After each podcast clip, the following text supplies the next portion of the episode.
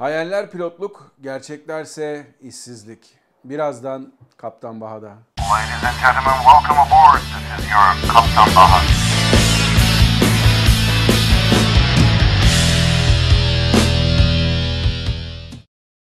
Herkese merhabalar arkadaşlar. Ben Kaptan Baha, Bahadır Acuner. Yepyeni bir cumartesi ve yepyeni bir cumartesi akşamında Kaptan Baha videosuyla. Geçtiğimiz 2 Nisan otizmde farkındalık günüydü. O nedenle ben de bugün mavi giydim. Selfie çek diyorlar ama ben onun ötesinde bir de video çekiyorum maviyle. Bir de isterseniz 52.90'a SMS yollayıp 10 liralık bağışta bulunabilirsiniz bu Otizme Mavi Işık Yak kampanyası için. Onu burada belirtmeden geçemeyeceğim. Şimdi gelelim bugünkü videoya. Ne diye başladım ben videoya? Hayaller pilotluk, gerçekler işsizlik. Şimdi beni biliyorsunuz birkaç yıldır video çekiyorum ve yaptığım videoların bir kısmında da sizlere özellikle havacılık konusunda kariyer düşünen arkadaşlara yardımcı olacak videolar çekmeye çalışıyorum. Motivasyon ve gaz verme arasında ince bir fark var. Ben de bu ince farka dikkatinizi çekmek istiyorum. Çünkü neden diyecek olursanız havacılık gerçekten güzel bir meslek. Pilotluk hakikaten benim çok aşık olduğum bir meslek ama geçtiğimiz yıllarda o kadar çok fazla şişirildi ki bu meslek. İşte Instagram'da özellikle sosyal medyada Instagram'da görüyorsunuz, TikTok'ta görüyorsunuz. Bazı arkadaşlar daha geçen günü rastladım. Bir arkadaş bir tane video çekmiş. Önce uyanıyor böyle yataktan sonra hani böyle elini getiriyor tekrardan başka sahneye geçme olayları var ya. Ondan sonra bir bakıyorsunuz BMW ile arkadaş geziyor, ediyor, eğiliyor. Sonra tekrar elini getiriyor, elini bir açıyor. Oha böyle DA-20 galiba bir uçağın içerisinde uçak kullanıyor. Böyle bir dünya yok arkadaşlar. Bu yaşadığımız salgın nedeniyle havacılık büyük bir sekteye uğradı. Havacılıkta istihdam sorunuyla karşı karşıya kaldı. Değişik ülkelerde değişik çözümler getirildi. Örneğin bizde kısa çalışma ödeneği getirildi. Ona rağmen geçtiğimiz hafta ne yazık ki DOKO bütün elemanlarına ücretsiz izne çıkardı. Ee, bunun bir takım nedenleri var. Yasa olarak çıkartılan yasalarla yanılmıyorsam işten çıkartma belli bir süre, için ertelendi. Bu yasal olmama haline geldi. Dolayısıyla insanlar sadece ve sadece ücretsiz izine çıkarıldılar. Halbuki işten çıkarılsalar belki yıllarca böyle kazandıkları kıdem tazminatlarına da hak kazanacaklar ama Neyse bu başka bir konu. O, o konulara girmeyelim. Şunu belirtmek istiyorum ki havacılıkta ortamın toparlanması biraz zaman alacak. Bir de ülkemizde son yıllarda tabii bu müthiş bir şişirilme sonucunda ortaya çıkan eğitim şişirilmesi var. Neden bahsediyorum?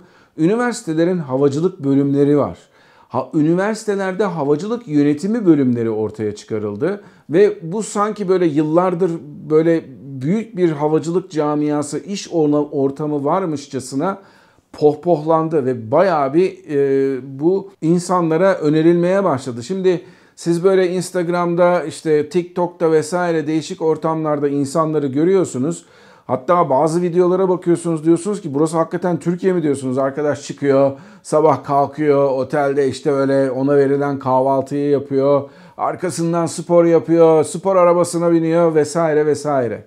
Ama gelin görün ki bugün artık Türkiye'de 10 bin saati aşkın uçuş saati olan insanlar ne yazık ki işsiz durumdalar.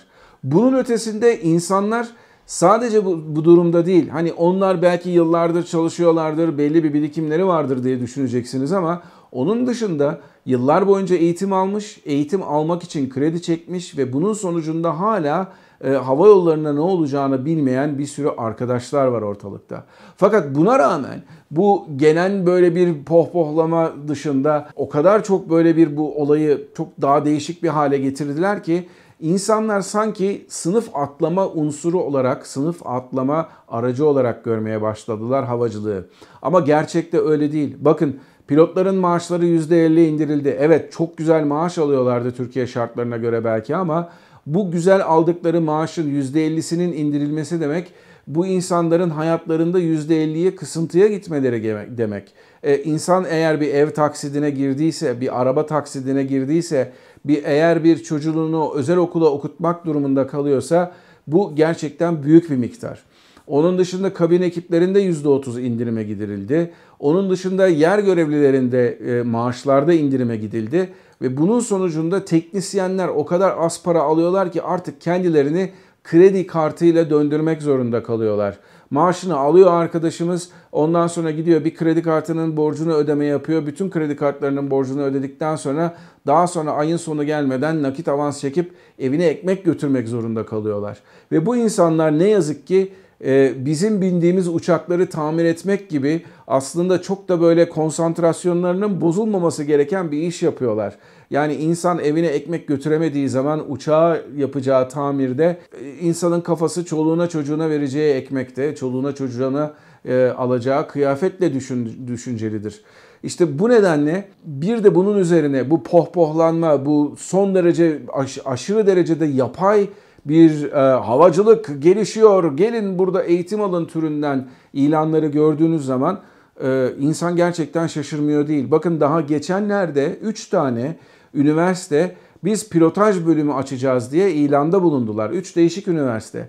Açsınlar tabii, açmasınlar demiyoruz. Ama bu insanlar mezun olduktan sonra nerede çalışacaklar? Bakın bu pandemi sürecinde Türk Hava Yolları'nın yetişmiş pilotları akademiden mezun olup arkasından da tip eğitimlerini tamamlamış olan insanlar bile uçamıyorlar. Bunların dışında akademiden mezun olup tip eğitimine daha gitmemiş olan insanlar var. Tabii bu insanlar belli bir süre sonra tabii ki uçmaya başlayacaklar. Bu e, kriz ortamı hala devam ediyor olmayacak ama onun dışında kriz ortamının dışında da havacılığı Türkiye'de olumsuz etkileyecek bir sürü nedenler var. Örneğin döviz kurlarındaki büyük artış havacılık sektörümüzü pandemi sonrasında da etkileyecek olan bir e, neden olarak ortaya çıkmakta. Bu döviz kurlarındaki büyük artış insanların alım gücüne etki ettiği için bu nedenle insanlar Türkiye içerisinde de daha az uçağa binmek zorunda kalacaklar. Bu da havacılığı olumsuz yönde etkileyecek. Siz Türkiye'den kazandığınız parayla uçakların leasing ödemelerini yapmak için daha pahalı uçakla uçak bileti satmak zorunda kalacaksınız. Veya ne olacak? İnsanlar e, hava yolları iç hatlardan çekilecekler. Onur Air en son yıllarda 2 yıl öncesinde iç hatlardan tamamen çekilmek zorunda kaldı. Sadece yazın böyle çok iyi para kazanabilecekleri belki Bodrum, Antalya gibi hatlarda uçuşlar yaptılar. Onun dışında Atlas Jet onların mağdurları hala paralarını alamıyorlar. Atlas Jet'ten işsiz kalan bir sürü pilot, bir sürü kabin ekibi bunlar ne yapacaklarını bilmiyorlar. Çünkü başka bir gidecekleri yer yok. Başka çalışacakları ortam yok. Tabii bütün bunların ötesinde ben bir araştırma yaptım onu da söyleyeyim. Pilotaj mezunları ne yapacaklar o da belli değil. Şimdi siz pilotaj bölümüne giriyorsunuz. Üniversitelerin bazıları e, Eskişehir Teknik Üniversitesi, eski adıyla Anadolu Üniversitesi pilotaj bölümü var. Buraya giren öğrenciler devlet üniversitesi olduğu için burslu olarak eğitimlerini alıyorlar.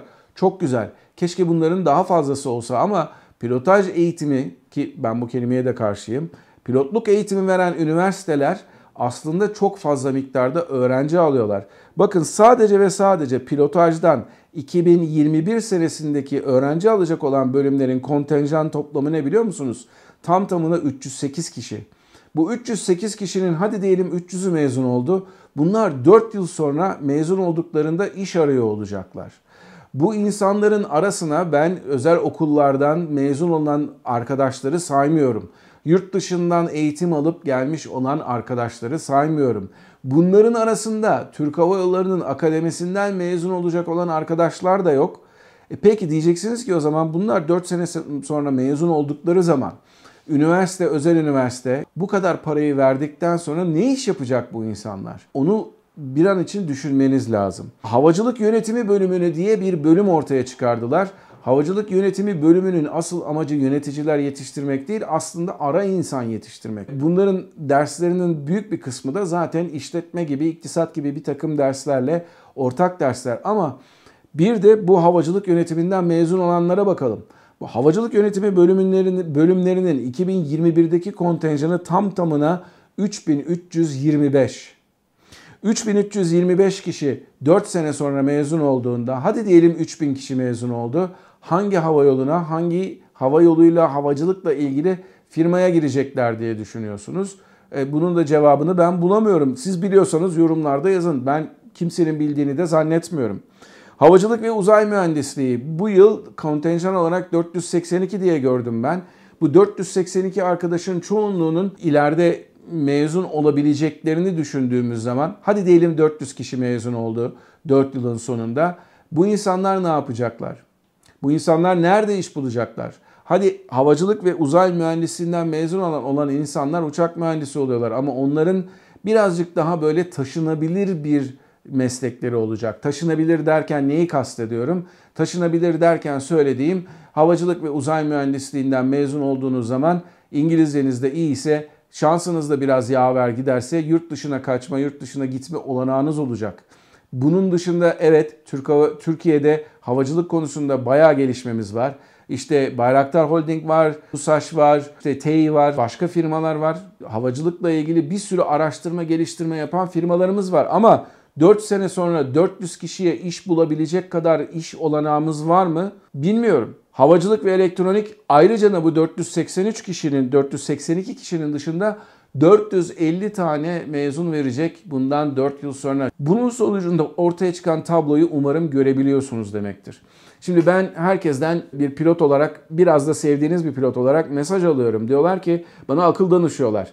Bu durumda ne yapılabilir ben bilmiyorum ama size bir takım olanaklar söyleyebilirim. O olanaklar dahilinde belki bu durumda benim söylediklerimden yola çıkarak birazcık kendinizi mezunlar arasında ön sıralara getirmeniz mümkün olabilir. Benim her zaman için söylediğim çok önemli bir şey var. İngilizce, İngilizce, İngilizce. Bunu çözmeden bir yerlere gelebilmeniz mümkün değil. Çünkü yarın öbür gün elinize Boeing'in bir manual'ını aldığınızda okuyacağınız şeyler İngilizce olacak. Bu konuda sıkıntınız varsa siz hiçbir zaman iyi bir pilot, iyi bir e, uçak mühendisi, iyi bir teknisyen veya iyi bir yer görevlisi olamayacaksınız.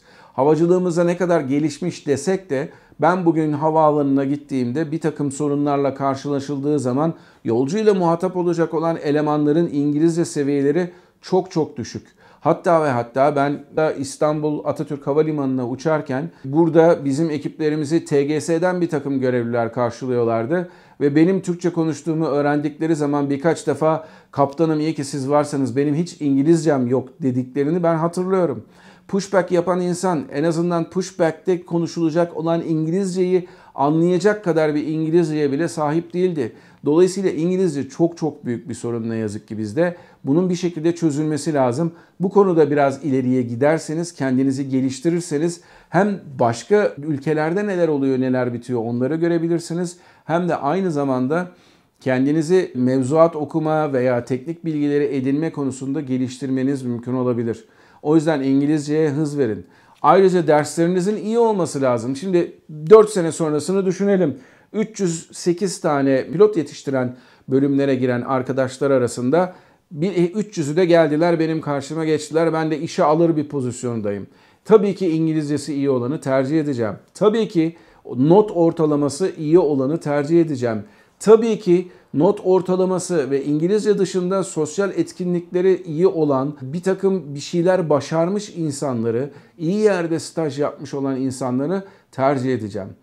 Tabii bunun dışında bir de ne yazık ki Türkiye'nin gerçekleri var. Bugün örneğin Türk Hava Yolları gibi politikayla ilgili politikayla bayağı yakından haşır neşir olan bir kuruma baktığınız takdirde üst kurulunda e, yönetim yapan insanlarından tutun müdür seviyesinde görev yapan insanlara kadar bu insanların birçoğunun aslında şu anki iktidar partisiyle yakın insanlar olduklarını, e, belli bir okuldan mezun olan olduklarının tercih edildiği ki bu havacılık okulu değil, e, bir takım ahbap çavuş ilişkileriyle buraya girdiklerini göreceksiniz. Bu şu anki iktidara özgü bir şey değil. Türkiye'de ne yazık ki torpil gerçeği var. Yarın öbür gün siz bu bölümlerden mezun olduğunuz zaman her zaman için sizin önünüze geçecek olan o an kim iktidardaysa o partinin yakınlarından olduğu bir gerçeği var. Aynı zamanda kaptan çocukları tabii ki sizin önünüze geçecekler. Bunu ben yıllardır dile getiriyorum. Onların her zaman için bir tık avantajı var. Doğrudur, yanlıştır. Ben doğru olduğunu düşünmüyorum ama ne yazık ki böyle. Onun dışında Türkiye'de devrecilik denilen bir olay var. Birbirleriyle aynı devreden olan insanlar birbirlerini tutarlar. Eğer işe alacak olan pozisyonda olan insanlar A okulundan mezunlarsa kendi okullarından girecek olan insanlara birazcık daha göz kırparlar diye düşünüyorum. Çünkü sonuçta iş görüşmelerinin sonucunda da bir mülakat diye bir olay da var. Şimdi bütün bunları göz önüne aldığınız zaman bu 308 kişiden 300 tane mezun verdiğiniz zaman bunların hepsinin pilot olarak bir işe girmesi tabii ki mümkün değil. O nedenle benim size naçizane tavsiyem bir abiniz olarak bu mesleğin hem inişlerini hem de çıkışlarını hatta ve hatta in, çıkıştan daha çok inişlerini görmüş olan bir arkadaşınız olarak, bir abiniz, bir amcanız olarak hatta size önerim. Kendinizi mutlaka ve mutlaka daha iyi pazarlayabileceğiniz noktalara gelmeniz. Yapmanız gereken şey yurt dışını hiçbir zaman göz ardı etmeyin. Kendinizi öyle yetiştirin ki belki bu e, bölümlerden mezun olduktan sonraki pilotaj biraz daha zor yurt dışında iş bulmak açısından. Pilotaj dışındaki bölümlerden mezun olduktan sonra belki bir yurt dışı stajı yakalayabilirsiniz. Belki bir Erasmus değişimiyle e, yabancı bir ülkeye gidip orada okuyup oradaki kültürden de birazcık kazanımlar elde edinebilirsiniz. Belki yurt dışına master'a gidebilirsiniz. Bu tür olanakları kesinlikle ve kesinlikle izlemenizi öneririm. Bir de şunu düşünelim. Siz diyelim pilotaj bölümünden mezun oldunuz. İşe alınmadınız. Türkiye'de kaç tane havayolu var sizi alabilecek? İşte en büyükleri Türk Hava Yolları var, Pegasus var, Sun Express var. Onun dışındakilerin toplamı diğer bu 3 hava yolunun hepsinin e, eleman toplamını tutturmaz. Bütün bunlarla girdiniz, konuştunuz, allem ettiniz, kallem ettiniz. Bir türlü olmadı iş. O zaman ne yapacaksınız? O zaman sizin çalışabileceğiniz başka firmalar yok. Ama diyebilirsiniz ki ben pilotajı bitirdim. En azından giderim havaalanında çalışırım. Yine de bir hava yoluyla bir irtibatım olur. Hava yoluna pilot olarak değil başka bir e, eleman olarak girebilirim diyebilirsiniz. Bunlar da tabii ki seçenekler. Ama her zaman için benim sizlere önerim havacılık dışında bir mühendislikte o kadar geç, e, geçerli değil bu söylediğim ama havacılık dışında bir bölüm okumanız. Bir de sizin her zaman için istediğiniz bir meslek, bir istediğiniz bölüm olabilir. Ama siz sadece istemekle bunlar olacak şeyler değil. Ben size her zaman söylüyorum. Gaz vermekle motive etmek arasında çok ince bir fark var. Bazı insanlar buraya gelip evet pilot olabilirsiniz diyorlar. Pilot olmamanız için hiçbir neden olmayabilir. Ama aynı zamanda gününün günümüzün şartları bunu size mümkün kılmayabilir. O zaman işte bir B planınızın olması lazım. Ben her zaman için söylüyorum. Biz uçarken 1, 2, 3, 4 hatta bazen 5 yedek meydanla bile uçabiliyoruz. Evet gerçekten öyle. 5 yedek meydanım olduğu bir uçuş bile yaptım ben. Bunları daha sonra anlatırım. Ama bunun da hayatınıza bir e, alışkanlık olarak geçmesi lazım. Bugün sizlerle birazcık böyle nahoş bir şeyden bahseder gibi oldum ama umudunuzu kırmayın. Umudunuzu kırdığınız zaman her şey bitmiş demektir. Umudunuzu yüksek tutun ama unutmayın ki yarın öbür gün mezun olduğunuz zaman rekabet çok çok daha fazla olacak. O yüzden kendinizi o rekabet sırasında yukarı çekmek için elinizden geleni ardına komayın. Çok çalışın ama çok çalışın. Hiçbir zaman da tamam ben oldum demeyin oldu mu? Bu konuda sorularınız olursa mutlaka aşağıya yazın. Bana doğrudan e-mail ile de ulaşabilirsiniz. Bazı arkadaşlar öyle öyle de yapıyorlar. Ben elimden geldiğince sizlere yardımcı olmaya çalışacağım. En azından yön gösterme açısından. Sizden rica ediyorum ne olur ama ne olur benden uçuş okulu tavsiyesi istemeyin. Vermiyorum, vermeyeceğim, vermedim de. Benden şimdilik bu kadar. Haftaya bambaşka bir Kaptan Baha videosunda tekrar görüşmek üzere. Kendinize iyi bakın. Her şeyden önemlisi sağlıklı kalın. Görüşürüz.